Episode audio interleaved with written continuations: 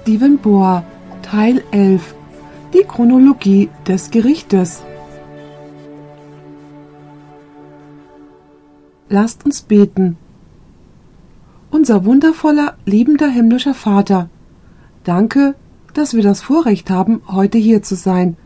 Wir werden ein sehr ernstes Thema studieren, die Chronologie des Gerichtes, welches den Grund für einige andere Vorträge legen wird, die wir noch haben werden. Und deshalb bitten wir ganz besonders um deine Weisheit für dieses Thema. Hilf uns zu verstehen, was wir studieren werden, aber nicht nur es zu verstehen, aber hilf uns in den schwierigen Zeiten, die kommen werden, fest und unerschütterlich zu stehen. Wir danken dir, Vater, für das Vorrecht, dass wir uns mutig deinem Thron im Namen Jesu nähern dürfen, und wir danken dir, dass du uns hörst, denn wir kommen vor dich in diesem wunderbaren Namen. Amen. Heute werden wir das Thema mit dem Titel Die Chronologie des Gerichtes betrachten, und ich möchte damit beginnen, dass ich etwas erwähne, womit wahrscheinlich viele von euch vertraut sind. Und das ist das Glaubensbekenntnis der Apostel. Nun muss ich dazu sagen, dass das Glaubensbekenntnis der Apostel nicht apostolisch ist. Mit anderen Worten, es wurde einige Jahrhunderte nach dem Tod der Apostel ins Leben gerufen. Aber ich möchte gerne einen kleinen Ausschnitt von dem Glaubensbekenntnis der Apostel lesen. Und dann werden wir versuchen, uns im Rest des Vortrages mit dem Thema zu beschäftigen, das in dem Glaubensbekenntnis der Apostel erwähnt wird. Hier heißt es also, und ich zitiere Jesus ist in den Himmel aufgefahren und sitzt zu Rechten Gottes, des allmächtigen Vaters. Von dort her wird er kommen, um die Lebenden und Toten zu richten. Was ich hier nochmal wiederholen muss, es ist nicht apostolisch, es wurde nicht von den Aposteln geschrieben. Es sagt aus, dass wenn Jesus Christus bei seinem zweiten Kommen erscheint, er dann die Lebenden und Toten richten wird. Nun lautet meine Frage, ist diese Aussage wirklich richtig und zutreffend? Findet das Gericht wirklich beim zweiten Kommen Jesu statt oder findet es statt, bevor Jesus auf diese Erde zurückkommt? Findet dieses Gericht im Himmel statt oder findet das Gericht über die Lebenden und Toten auf der Erde statt? Mit anderen Worten, die Frage ist, ob das Gericht vor dem zweiten Kommen im Himmel stattfindet oder beim zweiten Kommen auf der Erde. Ich glaube, dass die Antwort zu diesen Fragen in einem sorgsamen Studium von Daniel 7 gefunden werden kann. Und ich lade euch ein, mit mir Daniel 7 in euren Bibeln aufzuschlagen und wir werden uns durch dieses Kapitel Vers für Vers hindurch bewegen. Lasst uns nun mit den Versen 1 bis 3 beginnen, die eigentlich die einleitende Szene für die Vision von Daniel 7 sind. Und im Übrigen wird uns auch das Datum gegeben. Es heißt hier in Daniel 7 Verse 1 bis 3. Im ersten Jahre Belsazars, des Königs von Babel, hatte Daniel einen Traum und Gesichte seines Hauptes auf seinem Lager er schrieb den Traum alsbald auf, und dies ist der vollständige Bericht. Daniel hob an und sprach Ich schaute des Nachts auf meinem Gesichte, und siehe, die vier Wände brachen los auf das große Meer. Lasst uns hier kurz innehalten, denn es gibt hier zwei Symbole, die wir uns anschauen wollen. Das erste Symbol sind die vier Winde, und das zweite Symbol ist das große Meer. Was meint die Bibel damit, wenn es sich in der Prophetie symbolisch auf Winde bezieht? Wir sprechen von den Winden des Kampfes, Winde des Streites. Mit anderen Worten, Winde stellen Kriege dar. Sie stellen vernichtende Ereignisse dar. Nation erhebt sich gegen Nation. Und ihr könnt das zum Beispiel in Offenbarung 7, Verse 1 bis 3 sehen wo die Engel was halten? Sie halten die vier Winde des Kampfes. Und was geschieht, wenn sie die Winde loslassen? Oh, da gibt es eine riesengroße Katastrophe in der Welt. Als Ergebnis, dass die vier Winde losgelassen wurden. Lasst uns diese Verse kurz lesen. Offenbarung 7, Verse 1 bis 3. Danach sah ich vier Engel an den vier Ecken der Erde stehen, die hielten die vier Winde der Erde, damit kein Wind wehe über die Erde, noch über das Meer, noch über irgendeinen Baum. Und ich sah einen anderen Engel vom Sonnenaufgang heraufsteigen, der hatte das Siegel des lebendigen Gottes, und er rief mit lauter Stimme den vier Engeln zu, welchen Macht gegeben war, die Erde und das Meer zu schädigen, und sprach Schädiget die Erde nicht, noch das Meer, noch die Bäume, bis wir die Knechte unseres Gottes auf ihren Stirnen versiegelt haben. Also, die Winde sind Winde des Kampfes. Sie stellen Kämpfe und Konflikte zwischen den Nationen dar. Nun, das andere Symbol, das wir in diesem einleitenden Abschnitt haben, ist das Meer. Es spricht vom großen Meer. Was wird durch dieses Meer dargestellt? Es heißt, dass die Winde die Wellen des Meeres aufpeitschen. Geht mit mir zu Jesaja 17, Verse 12 und 13. Wisst ihr, die Bibel erklärt sich selber. Die Bibel erklärt ihre eigenen Symbole. Wenn wir ein Symbol in Daniel finden, gehen wir zu anderen Texten der Heiligen Schrift, die uns dabei helfen zu verstehen, was das Symbol bedeutet. Jesaja 17, Verse 12 und 13. Hier sagt der Prophet Jesaja: Wehe, ein Toben vieler Völker, welche toben wie das Meer. So, was stellt also das Meer dar? Viele was? Viele Völker, und sie machen Lärm. Lasst uns weiterlesen. Und ein Rauschen von Völkern, welche wie mächtige Wasser rauschen. Nun, was stellt das Rauschen wie mächtiges Wasser dar? Das Rauschen von Völkern. Und dann heißt es in Vers 13, Die Völker rauschen gleich den großen Wassern, wenn er sie aber schilt, so fliehen sie weit davon und werden dahingejagt wie Spreu auf den Bergen vor dem Wind und wie wirbelnder Staub vor dem Sturm. Also, was stellt das Meer dar? Viele was? Viele Völker oder Nationen, die in Aufruhr sind. Denn die Winde peitschen die Wellen und das Meer rauscht, wie das Rauschen vieler Nationen oder vieler Wasser. Lasst uns nun in unserem Studium zu Vers 3 gehen. Daniel 7, Vers 3. Dort heißt es, und vier große Tiere. Was stellen Tiere in der Prophetie dar? Tiere stellen Nationen oder Königreiche dar. Wir werden noch feststellen, dass Daniel selber das erklären wird. Und vier große Tiere kamen woher? aus dem Meer. So, diese Nationen steigen aus Krieg und Unruhen auf. So heißt es.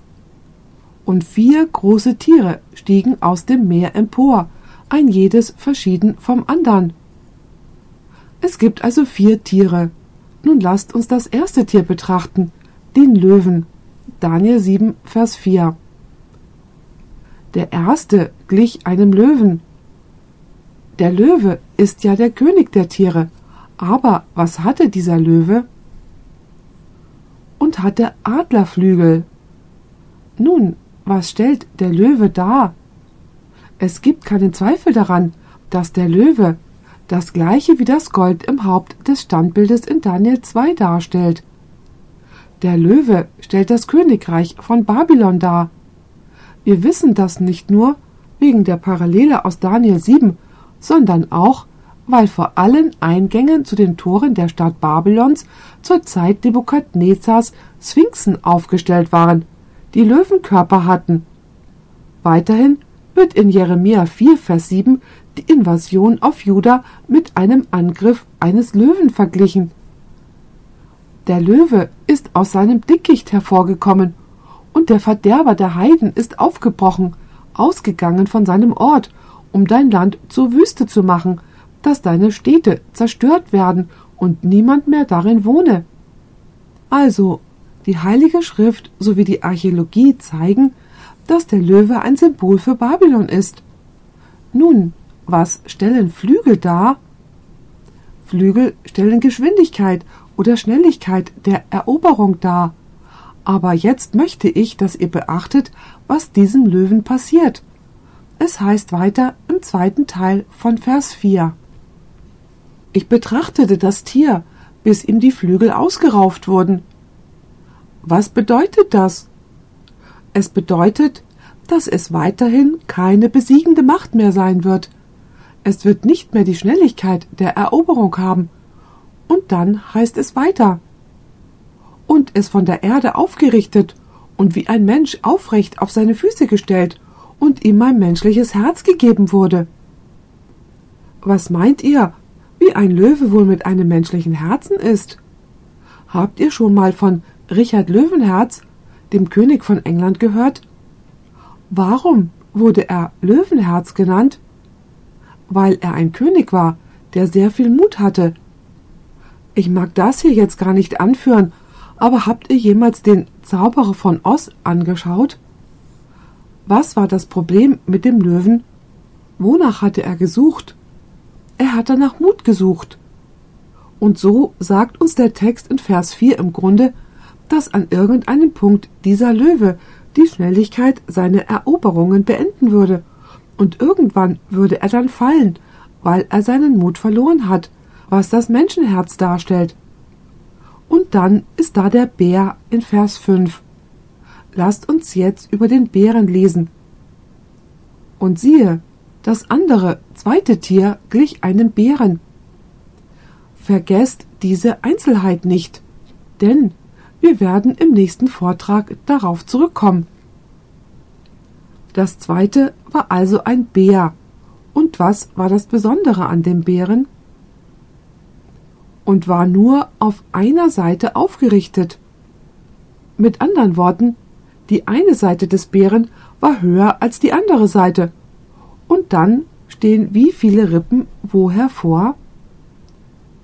Und hatte drei Rippen in seinem Maul zwischen seinen Zähnen, und es ward zu ihm gesagt, Stehe auf, friss viel Fleisch. Nun, dieses Tier stellt das zweite Königreich dar, das gleiche wie die Arme und Brust aus Silber in dem Standbild in Daniel 2. Welches Königreich ist das? Es stellt das Königreich der Meder und Perser dar. Wir werden in unserem Studium sehen, dass das Königreich der Meder und Perser zwei Königreiche waren, und eines war höher als das andere, und das stärkere stieg zum Schluss auf. Darum ist der Bär auf einer Seite erhoben. Die drei Rippen stellen die drei Königreiche dar, die von Medo-Persien erobert wurden, damit diese Nation zur Macht emporsteigen konnte. Lasst mich erwähnen, welches diese drei Nationen sind. Die erste ist Lydia, was sich im alten Anatolien in der heutigen Türkei befand. Dieses Königreich wurde von Medo-Persien im Jahr 547 vor Christus erobert. Das zweite ist die Stadt Babylon, die Geschichte steht in Daniel 5 und Babylon wurde im Jahr 537 vor Christus erobert. Und die dritte Nation oder Königreich, das von den Medern und Persern niedergeschlagen wurde, damit sie zur Macht aufsteigen konnten, war eigentlich Ägypten, das im Jahr 525 vor Christus erobert wurde. So, dies fügt sich ganz genau in das ein, was in der Geschichte der Meder und Perser geschah, und im nächsten Vortrag werde ich euch noch weitere Einzelheiten aus der Prophezeiung von Daniel 8 geben.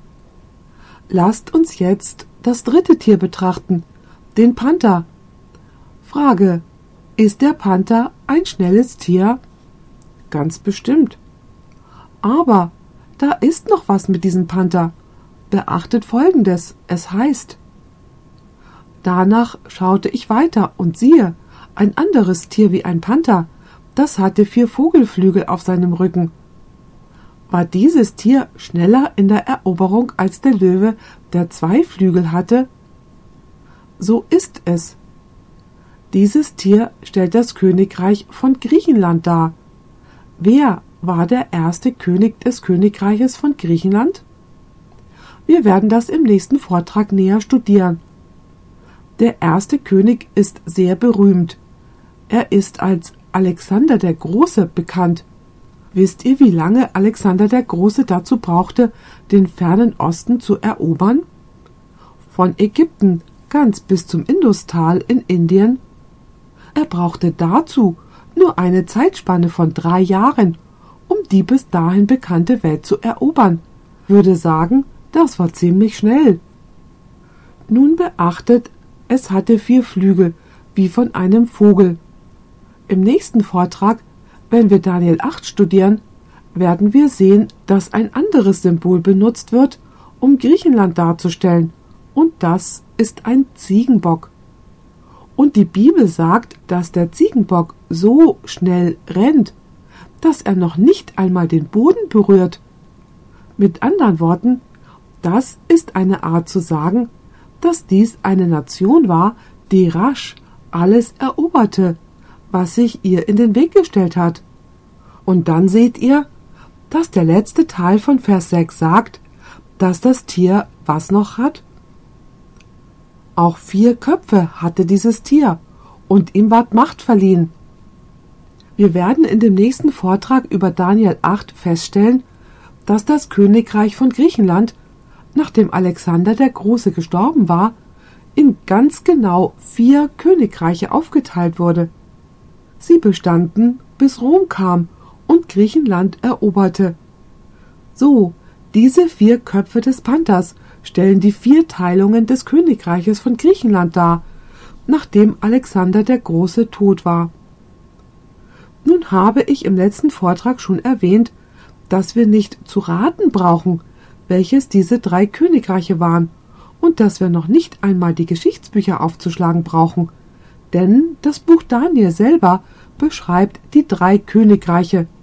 Weiter mit Vers 7. Dieses Tier ist ganz anders als die anderen. Nach diesem sah ich in den Nachtgesichten und siehe, das vierte Tier war furchterregend, schrecklich und außerordentlich stark. Es hatte große eiserne Zähne, fraß und zermalmte und zertrat das übrige mit den Füßen. Es war ganz anders als die vorigen Tiere. Und nun beachtet besonders dies. Was hatte es? und hatte zehn Hörner. Wo sind diese zehn Hörner aufgestiegen? Sie müssen auf dem Kopf des vierten Tieres gewesen sein. Sind sie auf dem Kopf des vierten Tieres? Ja. Sind sie somit römisch in einem gewissen Sinne? Ja. Wenn das vierte Tier Rom ist und die Hörner auf dem Kopf von dem vierten Tier sind, dann müssen diese Hörner woher kommen? Von Rom, ganz genau. Erinnert ihr euch an die Füße des Standbildes? Sind die Füße des Standbildes aus Eisen? Was stellen die eisernen Füße dar? Das römische Reich. Geht Rom weiter in den zehn Zehen der Füße? Ja, geht Rom weiter in den zehn Hörnern, die aus dem Kopf kommen, der Rom darstellt? So ist es. Nun möchte ich, dass ihr beachtet, was wir dann in Daniel 7, Vers 7 finden. Noch einmal den letzten Satz. Es war ganz anders als die vorigen Tiere und hatte zehn Hörner. Nun, was stellen diese zehn Hörner dar? Sie stellen die Teilungen des römischen Reiches dar. Als das Reich durch den Einfall der barbarischen Nationen von dem nördlichen Sektor des Reiches her fiel. Ich werde die Nationen bei Namen nennen, und wir werden später im Seminar noch darauf zurückkommen. Die Namen der zehn Königreiche sind die Alemannen, woher die Deutschen kommen. Die Franken ist Frankreich. Die Burgunder ist die Schweiz. Die Sweben ist Portugal. Die Westgoten ist Spanien. Die Angelsachsen ist England. Die Lombarden ist Italien. Die Heruler, die Vandalen und die Ostgoten sind später ausgelöscht worden. Ich möchte euch ein Zitat vorlesen, das von Jerome geschrieben wurde. Wisst ihr, wer Jerome war? Er lebte im vierten Jahrhundert. Er hatte viel mit der lateinischen Vulgata zu tun. Die Vulgata-Bibel ist die lateinische Übersetzung der Bibel. Jerome war ein großer Gelehrter in Griechisch und Hebräisch und er konnte sehen, was im vierten Jahrhundert im römischen Reich geschah. Beachtet, was er zu sagen hat. Außerdem ist das vierte Königreich, das ganz deutlich den Römern gehört, wusste er, welches das vierte Königreich war? Ja, das ganz deutlich den Römern gehört, das Eisen, das alles in Stücke bricht und sich alles untertan macht, aber seine Füße und Zehen sind teils aus Eisen und teils aus Ton, was zu dieser Zeit Jerome spricht von seiner eigenen Zeit, was zu dieser Zeit ganz klar nachgewiesen ist. So, wann erfüllten sich die Füße laut Jerome? Zu seiner Zeit, und es heißt weiter, genauso wie in seinem Anfang, es nichts Stärkeres und Unnachgiebigeres als das römische Reich gab, hätte es am Ende seiner Geschichte nicht schwächer sein können. Hat sich das in den Tagen Jeroms erfüllt? So ist es. Erinnert ihr euch, dass in 2. Thessalonicher 2, Verse 3 bis 6 der Apostel Paulus von einer Macht spricht, die den Menschen der Sünde zurückhält? Lasst uns das kurz lesen. Niemand soll euch irreführen in irgendeiner Weise, denn es muss unbedingt zuerst der Abfall kommen und der Mensch der Sünde, der Sohn des Verderbens geoffenbart werden, der Widersacher, der sich über alles erhebt, was Gott oder Gegenstand der Verehrung heißt, so dass er sich in den Tempel Gottes setzt und sich selbst als Gott erklärt. Denket ihr nicht mehr daran, dass ich euch solches sagte, als ich noch bei euch war? Und nun wisset ihr ja, was noch aufhält, dass er geoffenbart werde zu seiner Zeit. In der Tat glaubten alle Kirchenväter, dass das, was den Menschen der Sünde, den Antichristen zurückhalten würde, sich selbst zu offenbaren, das fortwährende Bestehen des römischen Reiches war. Und sie glaubten, dass wenn das römische Reich weggenommen, sich der Antichrist offenbaren würde. Und Jerome hat das sehr, sehr deutlich verstanden. Nun, lasst uns weiter zu Daniel 7, Vers 8 gehen. Wir haben die zehn Hörner, genauso wie wir die zehn Zehen mit Eisen darin haben. Aber dann, was wird den Füßen beigemengt? Ton. Gibt es etwas in Daniel 7, das dem Ton gleich ist? So ist es. Beachtet Daniel 7, Vers 8. Während ich Acht gab auf die Hörner, das sind die zehn Hörner, und als er sie ansah, was geschah? Siehe, da brach ein anderes kleines Horn zwischen denselben hervor. Wo sollte das kleine Horn hervorkommen? Im Mittleren Osten? Natürlich nicht. Es sollte zwischen den zehn Hörnern aufsteigen. Wenn die zehn Hörner das westliche römische Reich sind, wo würde dann das kleine Horn hervorkommen? In Westeuropa. Folgt ihr mir oder nicht? Folgt ihr mir oder nicht? Nun, beachtet, wie es hier heißt. Während ich Acht gab auf die Hörner, siehe, da brach ein anderes, kleines Horn zwischen denselben hervor. Und nun achtet auf Folgendes, vor welchem drei der vorigen Hörner ausgerissen wurden. Was bedeutet ausgerissen? In der englischen Übersetzung heißt es samt den Wurzeln ausgerissen. Was bedeutet das? Das bedeutet, dass sie einmal ganz ausgerissen wurden, das war's. Mit anderen Worten, sie würden nicht mehr existieren. Die Geschichte beweist, dass genau das passiert ist. Wisst ihr? Drei von diesen Königreichen waren Arianer. Mit anderen Worten, sie glaubten, dass Jesus ein erschaffenes Wesen war.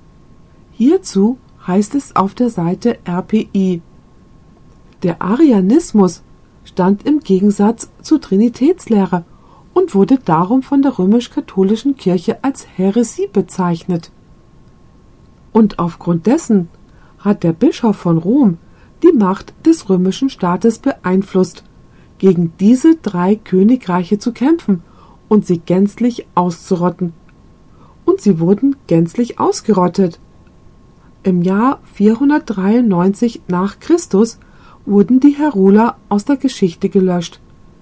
Keine Nation in Europa stammt von ihnen ab. 555 nach Christus wurden die Vandalen ausgerottet und im Jahr 538 nach Christus wurden die Ostgoten von Rom überwunden und erlitten eine schreckliche Niederlage. Mit anderen Worten, genau wie es die Prophezeiung vorausgesagt hatte, wurden drei dieser Königreiche ausgerottet, und es gibt keine Nation in Europa, die von ihnen abstammt. Lasst uns weiterlesen in Vers 8. Während ich Acht gab auf die Hörner, siehe, da brach ein anderes kleines Horn zwischen denselben hervor, vor welchem drei der vorherigen Hörner ausgerissen wurden. Und siehe, dieses Horn hatte Augen wie Menschenaugen und ein Maul, welches große Dinge redete.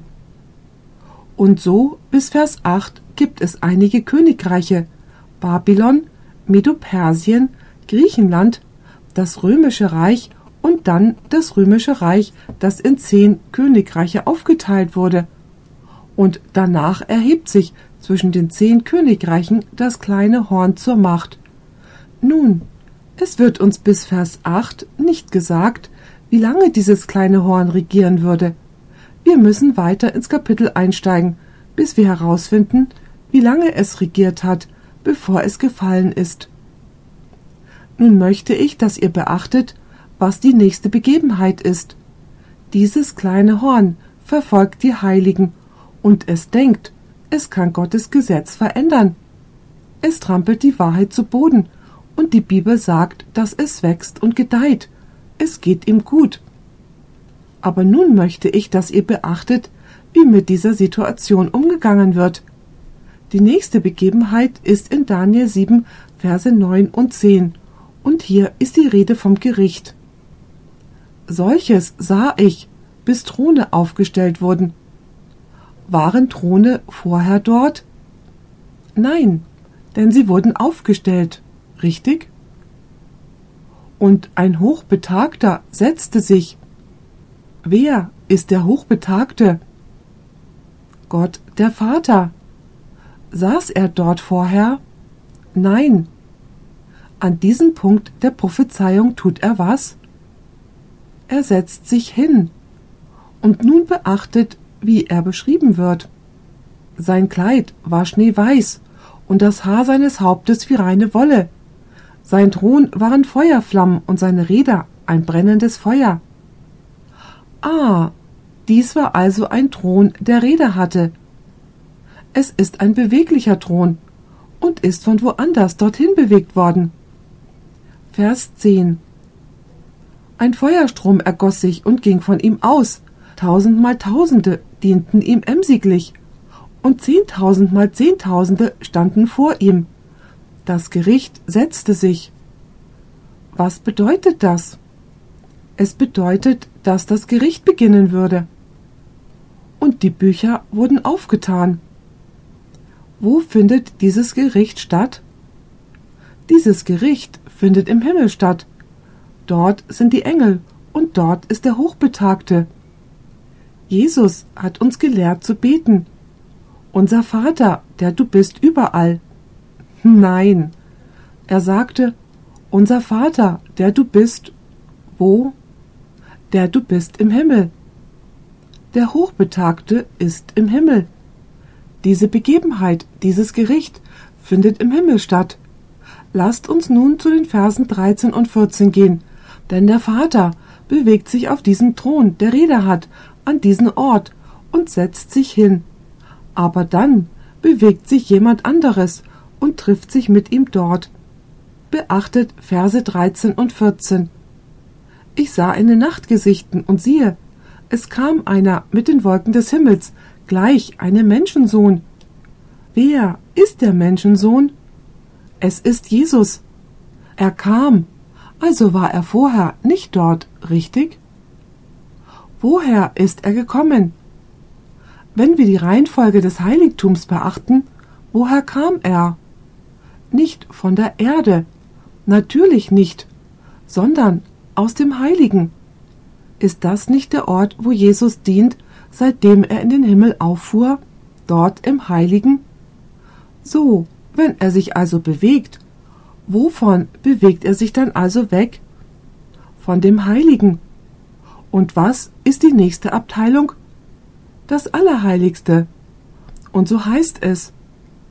Ich sah in den Nachtgesichten und siehe, es kam einer. Manche Menschen sagen, seht, das ist das zweite Kommen. Nein, es ist nicht das zweite Kommen. Lasst uns weiterlesen mit den Wolken des Himmels. Was sind die Wolken des Himmels? Die Engel. Und wohin kommt er? Auf die Erde? Bei seinem zweiten Kommen? Nein. Es steht hier, dass er wohin kam?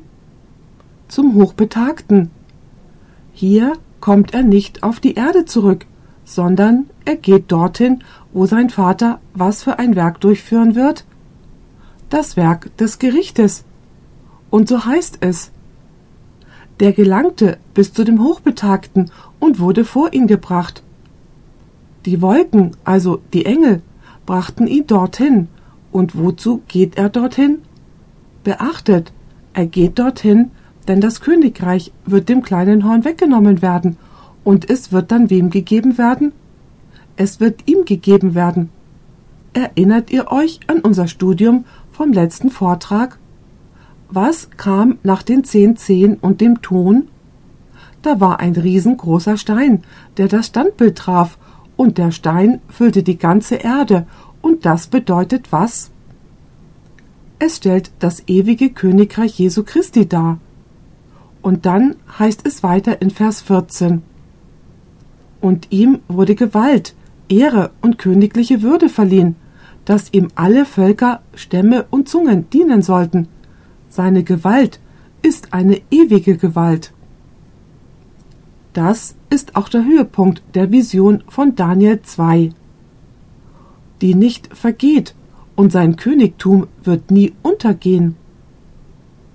Beginnt das Gericht, nachdem das kleine Horn sein böses Werk vollbracht hat?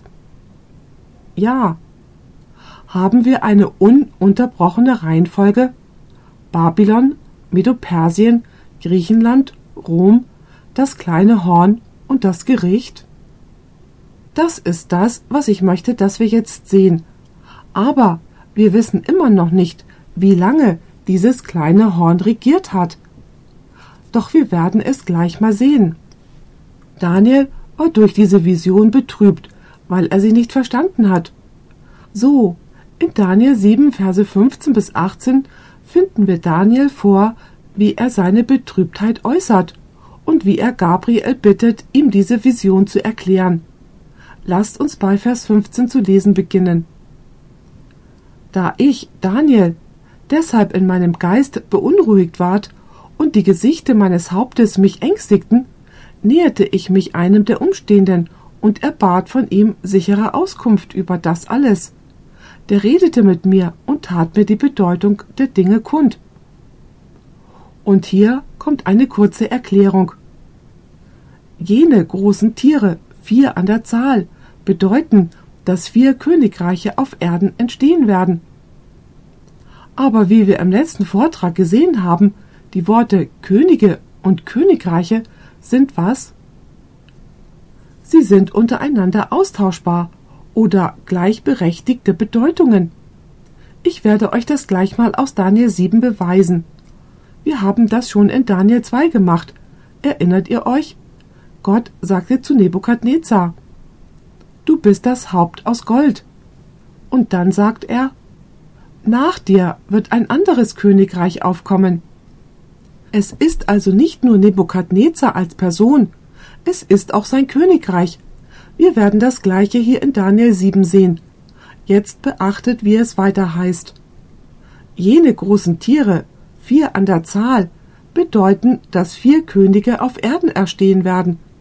Aber die Heiligen des Höchsten werden die Königsherrschaft empfangen, und sie werden die Königsherrschaft immerfort behalten, bis in alle Ewigkeit. Wie wurden die Heiligen während der Regierung des kleinen Horns behandelt? Was sagt die Bibel? Sie wurden ungerecht zertreten und verfolgt. Wie wird Gott das Problem lösen? Was für ein Werk wird er vollbringen? Ein Werk des Gerichtes. Und in diesem Gericht wird er ein Urteil gegen das kleine Horn aussprechen und ein Urteil wem zugunsten? Zugunsten der Heiligen, die während der 1260 Jahre verfolgt wurden, sowie eine Gruppe, die in der Zukunft verfolgt werden wird. Könnt ihr mir folgen? Lasst uns jetzt zu Daniel 7, Verse 19 bis 22 gehen. Es gibt da etwas, was Gabriel nicht erklärt hatte, was aber Daniel verstehen wollte. Daniel 7, Vers 19 Hierauf verlangte ich nach sicherer Auskunft über das vierte Tier, das sich von allen anderen unterschied, das so furchterregend war, eiserne Zähne und eherne Klauen hatte, fraß und zermalmte und das übrige mit seinen Füßen zertrat. Auch betreffs der zehn Hörner auf seinem Haupte und über das andere, das hervorbrach und vor welchem drei ausfielen, von jenem Horn, welches Augen hatte und ein Maul, das große Dinge redete und das so viel größer aussah als seine Gefährten. Ich hatte auch gesehen, dass jenes Horn Krieg führte mit den Heiligen und sie überwand. War das gerecht? Hatte das kleine Horn recht und waren die Heiligen im Unrecht oder war es andersherum? Musste das richtig gestellt werden? Ja, und Gott stellt es richtig durch das Gericht. Nun beachtet, wie es weiter heißt, Vers 21. Ich hatte auch gesehen, dass jenes Horn Krieg führte mit den Heiligen und sie überwand. Wie lange? Bis wann? Bis der Hochbetagte kam. Und zu welchem Zweck kam er? Er setzte sich und die Bücher wurden aufgetan. Stellt das Gericht die falschen Entscheidungen, die auf der Erde gemacht wurden, wieder richtig? So ist es. Verteidigt es die Heiligen und verurteilt das kleine Horn? So ist es. Vers 22 Bis der Hochbetagte kam. Wenn er gekommen ist, muss er ja vorher nicht dort gewesen sein. Und was war dann? Und den Heiligen des Allerhöchsten das Gericht übergab. Das heißt, zugunsten der Heiligen. Beachtet, dass zuerst der Urteilsspruch erging und es dann heißt, und die Zeit eintrat, da die Heiligen das Reich in Besitz nahmen. Gibt es einen Unterschied, wann der Urteilsspruch erging und er dann in die Tat umgesetzt wurde? So ist es, denn es heißt, und den Heiligen des Allerhöchsten das Gericht übergab. Das geschieht im Himmel vor dem Hochbetagten, wo der Menschensohn ist, und dann heißt es, und die Zeit eintrat, da die Heiligen das Reich in Besitz nahmen. Gibt es einen Unterschied, wann der Urteilsspruch erging und wann er dann in die Tat umgesetzt wurde? So ist es, denn es heißt, und den Heiligen des Allerhöchsten das Gericht übergab. Das geschieht im Himmel vor dem Hochbetagten, wo der Menschensohn ist, und dann heißt es, und die Zeit eintrat, da die Heiligen das Reich in Besitz nahmen. Frage. Sogar in unserer heutigen Welt wird da das Urteil am gleichen Tag ausgeführt, wo es gesprochen wurde? Nein. Das Urteil wird ausgesprochen und einige Zeit später wird es umgesetzt, richtig? Gibt es vorher eine Untersuchung der Beweise, um zu sehen, wer richtig oder falsch liegt? So ist es. Meint ihr, dass Gott ein Untersuchungsgericht im Himmel anberaumt, bevor Jesus wiederkommt, um das Urteil auszuführen und den Lohn auszuteilen? Ja, denn es heißt, wenn Jesus kommt, wird er seinen Lohn mit sich bringen. Das bedeutet, dass er vorher festgelegt haben muss, wie dieser Lohn aussehen würde. Könnt ihr mir folgen? Nun, lasst uns jetzt zu Daniel Kapitel 7, Verse 23 und 25 gehen, wo Gabriel eine vollständigere Erklärung gibt, denn Daniel hatte gesagt, ich möchte alles über das vierte Tier wissen und auch über die zehn Hörner und das kleine Horn. Gabriel, alles, was du mir gesagt hast, war, dass die vier Tiere vier Königreiche darstellen. Erkläre weiter, ich will mehr wissen. Und so finden wir ab Vers 23 eine umfassendere Erklärung über das vierte Tier, die zehn Hörner und das kleine Horn. Beachtet, dass das kleine Horn drei Phasen seines Bestehens hat. Er sprach, das vierte Tier bedeutet ein viertes Reich, das auf Erden entstehen wird. Welches Königreich ist das? Es ist Rom.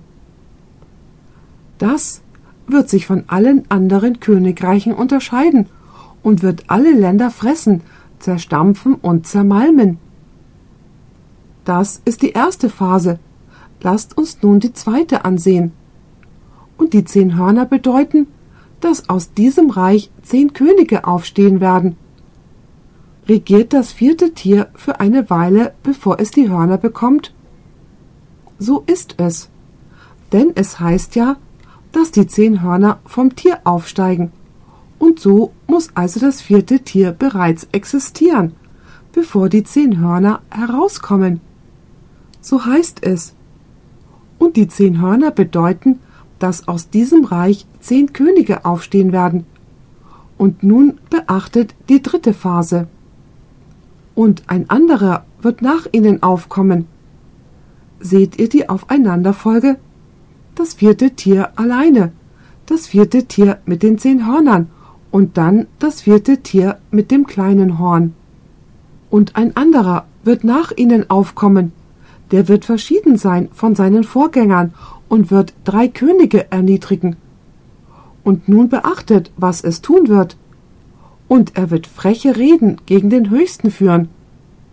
Die Offenbarung bezeichnet diese frechen Reden als Lästerung.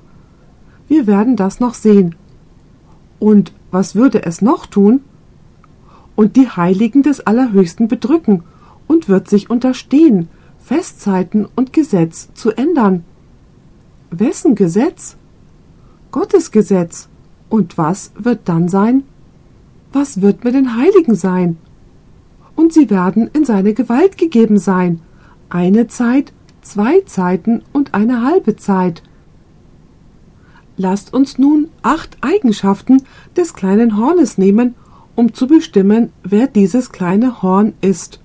Wir wissen, was das vierte Tier ist, richtig? Es ist das römische Reich. Wir wissen, dass die zehn Hörner die Tatsache darstellen, dass das römische Reich was wurde? Es wurde in zehn Königreiche aufgeteilt. Dann heißt es weiter. Siehe, da brach ein anderes, kleines Horn zwischen denselben hervor. Nun müssen wir bestimmen, von welcher Macht in der menschlichen Geschichte gesprochen wird, die das kleine Horn darstellt. Es gibt acht Eigenschaften, und ich werde sie kurz erwähnen. Kürzlich hat Emanuel Beck diese Eigenschaften ausführlicher behandelt. Erstes Merkmal. Das kleine Horn geht aus dem vierten Tier hervor. Stimmt das? Das also bedeutet, dass es was sein muss? Es muss römisch sein, denn es erhebt sich vom Kopf des vierten Tieres, das was darstellt? Rom. Zweites Merkmal. Diese Eigenschaft ist ziemlich offensichtlich. Wenn es sich von Rom erhebt, ist das ziemlich offensichtlich, was es ist. Es steigt eigentlich zwischen den zehn Hörnern auf. Was stellen die zehn Hörner dar? Die Nationen von Westeuropa. So, wo würde es aufsteigen? Im Mittleren Osten? Würde es in Asien aufsteigen? Nein. Wo würde es aufsteigen? Es würde dort aufsteigen, wo die zehn Königreiche waren, denn es würde zwischen ihnen aufsteigen. Und natürlich ist Rom in Westeuropa. Drittes Merkmal. Die Bibel sagt uns, dass es nach den zehn Hörnern aufsteigen würde. Ihr erinnert euch, dass wir gelesen haben, dass dies stattfand, nachdem die zehn Hörner da waren. Wisst ihr, wann die zehn Hörner vollständig an ihrem Platz waren? Im Jahr 476 nach Christus. Ihr könnt dies im Internet nachsehen, wenn ihr wollt. In diesem Jahr wurde der letzte Kaiser des Reiches entthront. Es gab im westlichen Reich keinen Herrscher mehr. Er hieß Romulus Augustulus. Danach gab es kein Gesetz und Ordnung mehr im Reich. Es war ein reines Chaos, denn es gab keine zentrale Autorität. Das Königreich der Barbaren hatte das Reich in zehn Königreiche aufgeteilt und im Jahr 476 waren sie damit fertig. Dies muss nun eine Macht gewesen sein, die nach dem Jahr 476 aufgestiegen ist. Es musste mit Hilfe des Staates gewesen sein, denn, wie wir bemerkt haben, gibt es eine Vereinigung zwischen Eisen und Ton. Es musste also drei von den zehn ausreißen, und genau das ist passiert. Die Heruler, die Vandalen und die Ostgoten wurden durch die politische Macht, die von der Kirche dazu angestachelt wurde, entwurzelt – denn diese Nationen waren Arianer. Sie glaubten, dass Jesus erschaffen wurde, und sie hatten nicht die gleichen Lehren der Kirche. Somit hat die Kirche den Staat beeinflusst, diese Mächte zu überwinden, und es gibt keine Nation in Europa, die von ihnen abstammt. Viertes Merkmal. Dies kleine Horn würde große Worte gegen den Allerhöchsten reden. Die Offenbarung bezeichnet diese frechen Reden als Lästerung. Nun stellt sich die Frage, was ist Lästerung? Wisst ihr, manche Leute denken, dass Lästerung von einer Person kommt, die ihre Stimme erhebt und Gott verflucht, weil sie ein Atheist ist. Das ist nicht die biblische Definition von Lästerung. Man kann eine religiöse Person sein und lästern. Was ist Lästerung? Zwei Dinge gemäß der biblischen Begriffserklärung. Johannes 10, Verse 30 bis 33. Jesus hatte gesagt, Ich und der Vater sind eins. Da hoben die Juden wiederum Steine auf, um ihn zu steinigen. Jesus antwortete ihnen, Viele gute Werke habe ich euch gezeigt von meinem Vater, um welches dieser Werke willen steinigt ihr mich? Die Juden antworteten ihm, Wegen eines guten Werkes steinigen wir dich nicht, sondern wegen einer Lästerung und weil du, der du ein Mensch bist, dich selbst zu Gott machst. So jeglicher Mensch, der behauptet, Gott auf Erden zu sein, begeht eine Lästerung es gibt eine zweite Begriffserklärung zu Lästerung. Sie ist mit der ersten verwandt. Markus 2, Verse 5 bis 7. Es heißt hier, als aber Jesus ihren Glauben sah, sprach er zu dem Gelähmten, Sohn, deine Sünden sind dir vergeben. Es saßen aber dort etliche von den Schriftgelehrten, die dachten in ihren Herzen, was redet dieser so? Er lästert, Wer kann Sünden vergeben als nur Gott allein? Es muss also eine Macht sein, die behauptet, Gottes Vertreter auf Erden zu sein und die behauptet, die Macht zu haben, was zu tun? Die Macht hat, Sünden zu vergeben.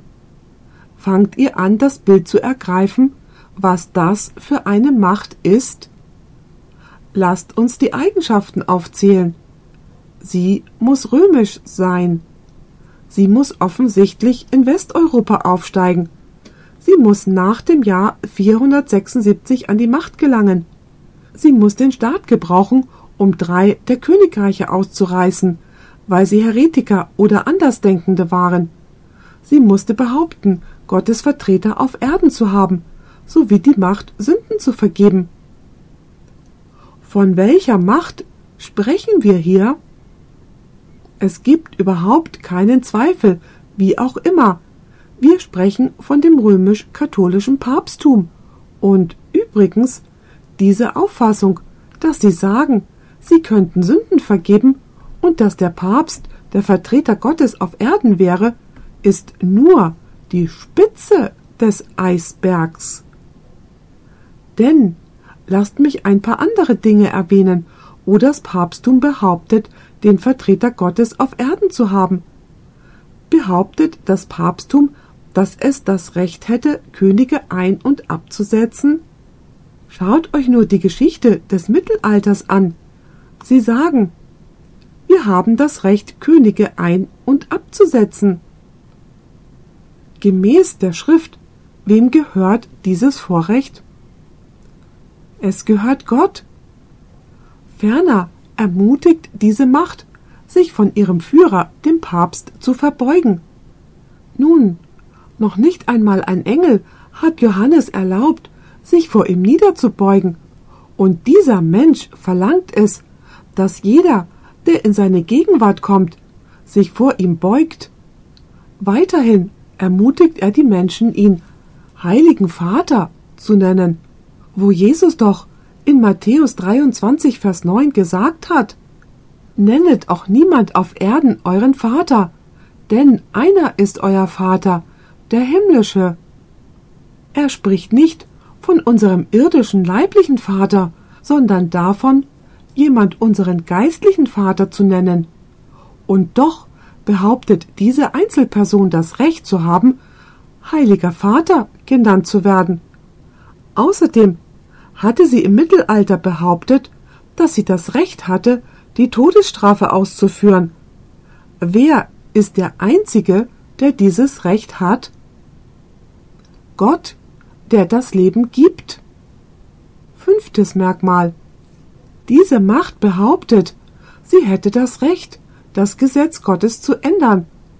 Wer hat das Recht, Gottes Gesetz zu ändern? Gott selber dann behauptet sie, der höchste Richter zu sein über die Dinge auf der Erde, im Himmel und in der Hölle. Ich habe Zitate, die ich euch vorlesen könnte, die beweisen, dass dies wahr ist. Und weiterhin ist es eine Macht, die behauptet, die unfehlbare Fähigkeit zu haben, in Glauben und Sitten zu unterrichten und behauptet, dass der Papst unfehlbar ist. Die Bibel sagt, dass nur einer unfehlbar ist, und das ist wer? Das ist Gott. Nun, dass er sagt, dass er Gott auf Erden ist und behauptet, dass er die Macht hat, Sünden zu vergeben, ist nur die Spitze des Eisberges. Es sind alle möglichen anderen Eigenschaften, die zeigen, dass diese Macht Gott lästert. Sechstes Merkmal diese Macht war eine verfolgende Macht. Es hat Gottes treue Gemeinde verfolgt. Habt ihr jemals von dem heiligen Amt der Inquisition gehört? Daran gab es ganz und gar nichts Heiliges. Und vor vielen Jahren gab Johannes Paul eine Entschuldigung ab, ich denke es war 1998, und er brauchte Monate, um es auszuarbeiten sehr vorsichtig gewählte Worte, und er sagte, dass die Kirche sich dafür entschuldigt, für ein paar falsch geführte einzelne Personen, die in der Verfolgung verstrickt waren. Aber die Inquisition waren nicht ein paar falsch geführte einzelne Personen.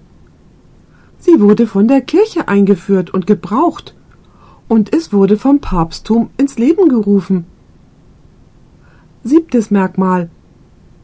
Diese Macht behauptet, dass sie fähig ist, Gottes Gesetz zu verändern. Hat das Papsttum behauptet, dass es Gottes Gesetz geändert hat? Das hat es ganz gewiss getan. Ich habe ungefähr zwölf Seiten mit Zitaten von verschiedenen römisch-katholischen Gelehrten, Priestern und Päpsten, die sagen, wir haben den Sabbat in den Sonntag durch die Autorität, die Christus uns gegeben hat, verändert. Anmerkung Die erwähnten Zitate befinden sich zum Beispiel auf Seite 52 der PDF Notizen zu Daniel und können unter der Rubrik Stephen Bohrs Studienunterlagen abgerufen werden. Diese zwölf erwähnten Seiten sind ein Ausschnitt davon. Ich bin stets bemüht, auch das auf Deutsch anbieten zu können, was auch Secrets Unsealed seinen englischen Zuhörern anbieten kann. Anmerkung Ende. Ferner haben sie das zweite Gebot aus dem Katechismus herausgenommen, das besagt, dass man keine Bilder anbieten soll. Und sie haben das zehnte Gebot in zwei gespalten. Begehre die Dinge deines Nächsten nicht und begehre die Frau deines Nächsten nicht. Und wenn man ein Gebot rausnimmt, dann muss man Nummer 10 in zwei teilen. So behauptet diese Macht, dass es Gottes heiliges Gesetz geändert hat. Und wie lange würde es regieren? Gemäß dem, was wir gelesen haben, würde es eine Zeit, zwei Zeiten und eine halbe Zeit regieren. Wie lange ist das? Das ist dreieinhalb Jahre. Aber in der Prophetie ist ein Tag gleich einem was? Einem Jahr. Und dann multipliziert ihr dreieinhalb Jahre mit 360 Tagen für jedes Jahr. Und das Ergebnis ist wie viel? 2360 Jahre. Das ist das Erstaunliche. Das letzte der widerstreitenden Hörner wurde im Jahr 538 ausgerissen, als die Ostgoten vernichtend geschlagen und von Rom verbannt wurden und das war im Februar 538. Wir kennen den Monat, aber nicht das genaue Datum. Am 12. Februar 1798, hier wissen wir das Datum, betrat der General von Napoleons Armeen, General Berthier, Rom und nahm den Papst gefangen und setzte ihn ab, und er wurde als Gefangener nach Frankreich gebracht, wo er im Exil starb und danach fing jede Nation in Europa damit an, ihre Unterstützung vom Papsttum abzuziehen. Niemand hat einen Finger gerührt, um dem Papsttum zu helfen, als es die tödliche Wunde versetzt bekam. Nicht ein einziger. Während des Mittelalters wären alle Nationen aufgestanden, um das Papsttum zu verteidigen. Aber nun wollte niemand mehr etwas mit dem Papsttum zu tun haben. Und nun, nach 1798, gibt es eine Kleinstaaterei mit demokratischen Regierungen. So, von welcher Macht ist die Rede? Diese Macht ist zweifelsohne das römisch-katholische Papsttum. Lasst uns jetzt zu Daniel 7, Verse 26 und 27 gehen. Nachdem über das erbärmliche Werk des kleinen Horns gesprochen wurde, heißt es Aber das Gericht wird sich setzen und ihm die Gewalt wegnehmen. Was ist der Zweck dieses Gerichtes? Um wessen Gewalt wegzunehmen? Um die Gewalt des kleinen Hornes wegzunehmen. Sie endgültig vertilgen und vernichten. Und was wird dann geschehen? Aber die Herrschaft die Gewalt und die Macht über die Königreiche unter dem ganzen Himmel wird dem heiligen Volk des Allerhöchsten gegeben werden. Sein Reich ist ein ewiges Reich, und alle Mächte werden ihm dienen und gehorchen. Wendet sich das Blatt? Ja. Der Urteilsspruch ergeht im Himmel, aber das Urteil wird eigentlich ausgeführt, wenn Jesus sein Königreich aufrichten und er dieses dann den Heiligen des Allerhöchsten übergeben wird. Nun müssen wir noch die Beschreibung der Offenbarung betrachten. Offenbarung und Daniel gehen Hand in Hand. Offenbarung 12, Verse 1 bis 5. Und ein großes Zeichen erschien im Himmel. Ein Weib mit der Sonne bekleidet und der Mond unter ihren Füßen und auf ihrem Haupte eine Krone mit zwölf Sternen. Und sie war schwanger und schrie in Wehen und Schmerzen der Geburt. Und es erschien ein anderes Zeichen im Himmel. Siehe, ein großer feuerroter Drache, der hatte sieben Köpfe und zehn Hörner und auf seinen Köpfen sieben Kronen. Haben wir ein Tier in Daniel, das aussieht wie ein Drache? Ja. Hat es zehn Hörner? So ist es. Es heißt weiter in Vers 4. Und sein Schwanz zog den dritten Teil der Sterne des Himmels nach sich und warf sie auf die Erde.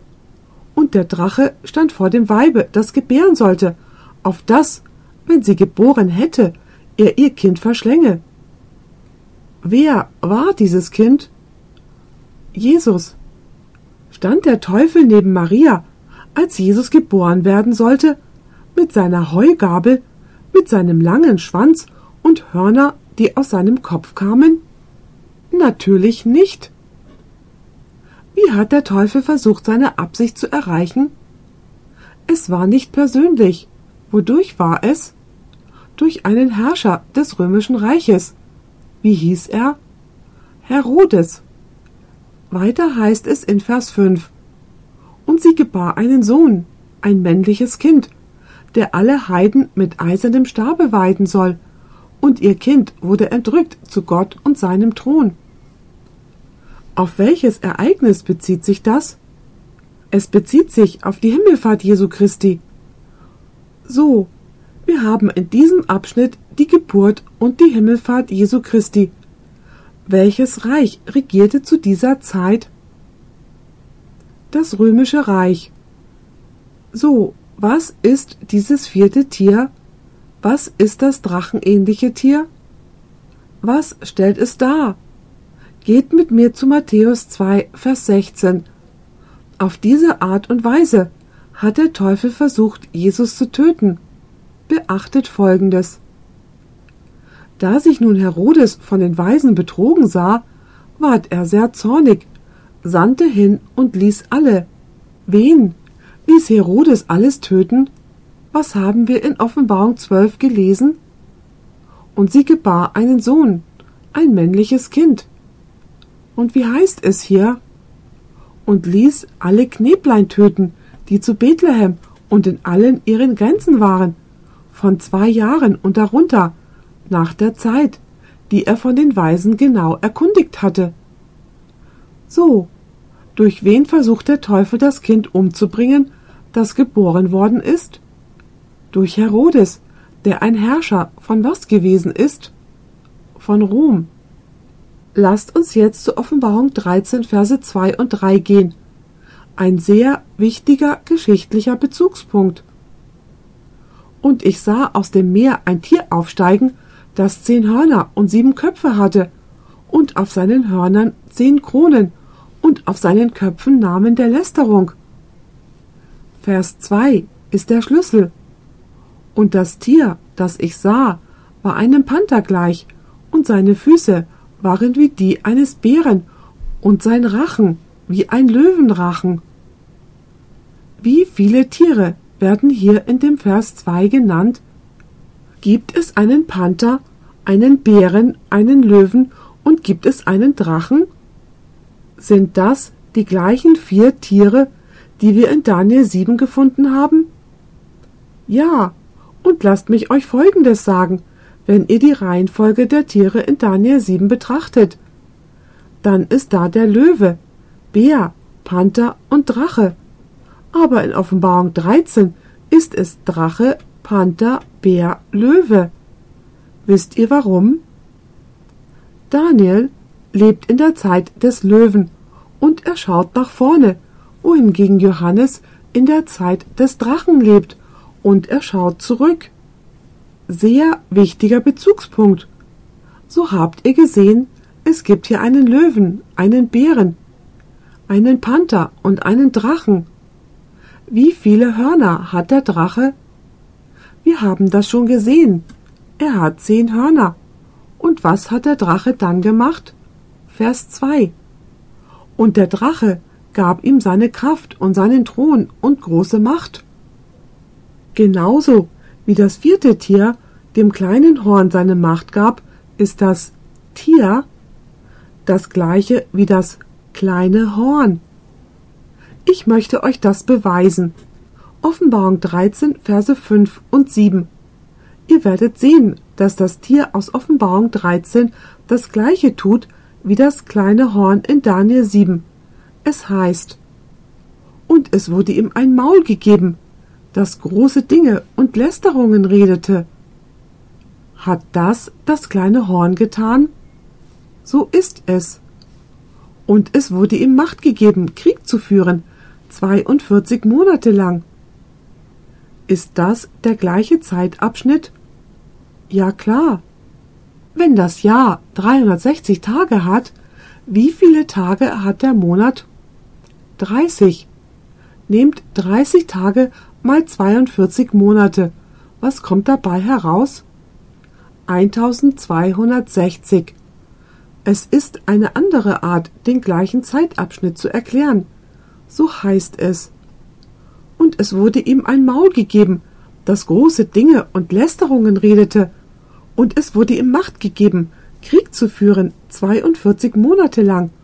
Und es wurde ihm gegeben, mit den Heiligen Krieg zu führen. Hat das kleine Horn das auch gemacht? Und sie zu überwinden, hat das kleine Horn das auch gemacht? So ist es. Und es wurde ihm Macht gegeben über alle Geschlechter und Völker und Zungen und Nationen. Ist das Tier das gleiche wie das kleine Horn? Ihr seht den gleichen Verlauf, den gleichen identischen Verlauf. Hier gibt es nun etwas, das ich möchte, dass ihr beachtet. Es bereitet schon mal auf den nächsten Vortrag vor. Offenbarung 13, Vers 6. Wir werden jetzt noch nicht näher darauf eingehen, aber ich möchte, dass ihr den Text schon einmal seht. Es heißt hier von diesem Tier. Und es tat sein Maul auf zur Lästerung gegen Gott. Und was kommt als nächstes? Zu lästern seinen Namen und sein Zelt und die im Himmel wohnen. Im nächsten Vortrag werden wir Daniel 8 studieren und wir werden herausfinden, dass das kleine Horn auf dem Heiligtum herumtritt. Offenbarung 13 hat diese Einzelheit. Wir haben das in diesem Vortrag nicht studiert, aber wir werden es im nächsten Vortrag tun. Lasst uns nun zu Offenbarung 14, Verse 6 und 7 gehen. Wir haben schon den Löwen, den Bären, den Panther, den Drachen, die zehn Hörner, das Tier, das 42 Monate regiert, gefunden würdet ihr erwarten, dass nach all dem ein Gericht kommt? So ist es. Beachtet Offenbarung 14, Verse 6 und 7. Und ich sah einen anderen Engel durch die Mitte des Himmels fliegen, der hatte ein ewiges Evangelium den Bewohnern der Erde zu verkündigen, allen Nationen und Stämmen und Zungen und Völkern, der sprach mit lauter Stimme. Im Übrigen wenn diese Botschaft gegeben wird, können Menschen noch gerettet werden? Oder ist Jesus schon wiedergekommen? Das ist eine dumme Frage. Warum sollte man das Evangelium verkünden, wenn Jesus schon wiedergekommen ist? Steht also zu diesem Zeitpunkt die Gnadentür noch offen? Ja, denn das Evangelium wird zu diesem Zeitpunkt noch verkündigt. Nun beachtet das folgende. Es ist sehr wichtig. Vers 7. Fürchtet Gott und gebet ihm die Ehre, denn die Stunde seines Gerichts ist gekommen. Wenn dieser erste Engel seine Botschaft verkündet, fürchtet Gott und gebet ihm die Ehre, denn die Stunde seines Gerichts ist gekommen, beginnt das Gericht, während das Evangelium verkündigt wird. Und dann heißt es, und betet an den, der den Himmel und die Erde und das Meer und die Wasserquellen gemacht hat. So ist die Frage, beginnt das Gericht, bevor Jesus wiederkommt? So ist es. Denn die Stunde des Gerichtes Gottes kommt, während das ewige Evangelium verkündigt wird. Seht ihr diesen Punkt? Weiter, hört genau zu, was ich sagen will. nach der ersten Botschaft, wo es heißt, dass das Gericht Gottes gekommen ist, gibt es eine Botschaft, die Gottes Volk aus Babylon herausruft? Ja, das kann weder während noch nach dem zweiten Kommen Jesu stattfinden, weil es dann zu spät sein wird. Und dann heißt es in der dritten Botschaft, dass man sich vor dem Tier und seinem Mahlzeichen in Acht nehmen soll. Lasst uns das kurz in Offenbarung 14, Verse 8 bis 10, erster Teil lesen. Hier heißt es, und ein anderer, zweiter Engel folgte ihm, der sprach, Gefallen, gefallen ist Babylon, die große, die mit dem Glutwein ihrer Unzucht alle Völker getränkt hat. Und ein dritter Engel folgte ihnen, der sprach mit lauter Stimme, Wenn jemand das Tier und sein Bild anbetet und das Mahlzeichen auf seine Stirn oder seine Hand nimmt, so wird auch er von dem Glutwein Gottes trinken. Ist die Gnadentür noch offen, wenn die Menschen vor dem Mahlzeichen des Tieres gewarnt werden? So ist es, und nur nachdem diese drei Botschaften verkündigt worden sind, werden wir Jesus sehen, wie in Offenbarung 14, Vers 14 beschrieben, auf einer Wolke sitzen und zur Erde zurückkommen. Und ich sah und siehe eine weiße Wolke, und auf der Wolke saß einer, der glich einem Menschensohn.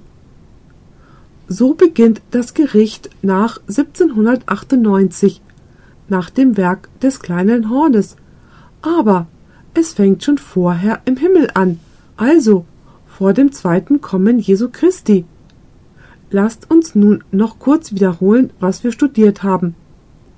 Wir haben Babylon Medopersien, Griechenland, das römische Reich, das geteilte römische Reich, das kleine Horn, welches das Papsttum ist. Und nachdem das kleine Horn 1260 Jahre regiert hat, kommt was? Dann kommt das Gericht, das im Himmel stattfindet. Und danach wird schlussendlich die Zeit kommen, wenn Gottes Volk das Königreich, basierend auf dem Urteilsspruch der während des Gerichtsverfahrens, das im Himmel stattfand, gefällt worden ist, erben wird. Aber können wir ein genaues Datum wissen, wann dieses Gericht begonnen hat? Nun, dann verpasst den nächsten spannenden Vortrag nicht. Diese Aufnahme wurde von Audioverse präsentiert, eine Internetseite, die sich der Verbreitung des Wortes Gottes unter anderem durch kostenlose Predigtaufnahmen widmet.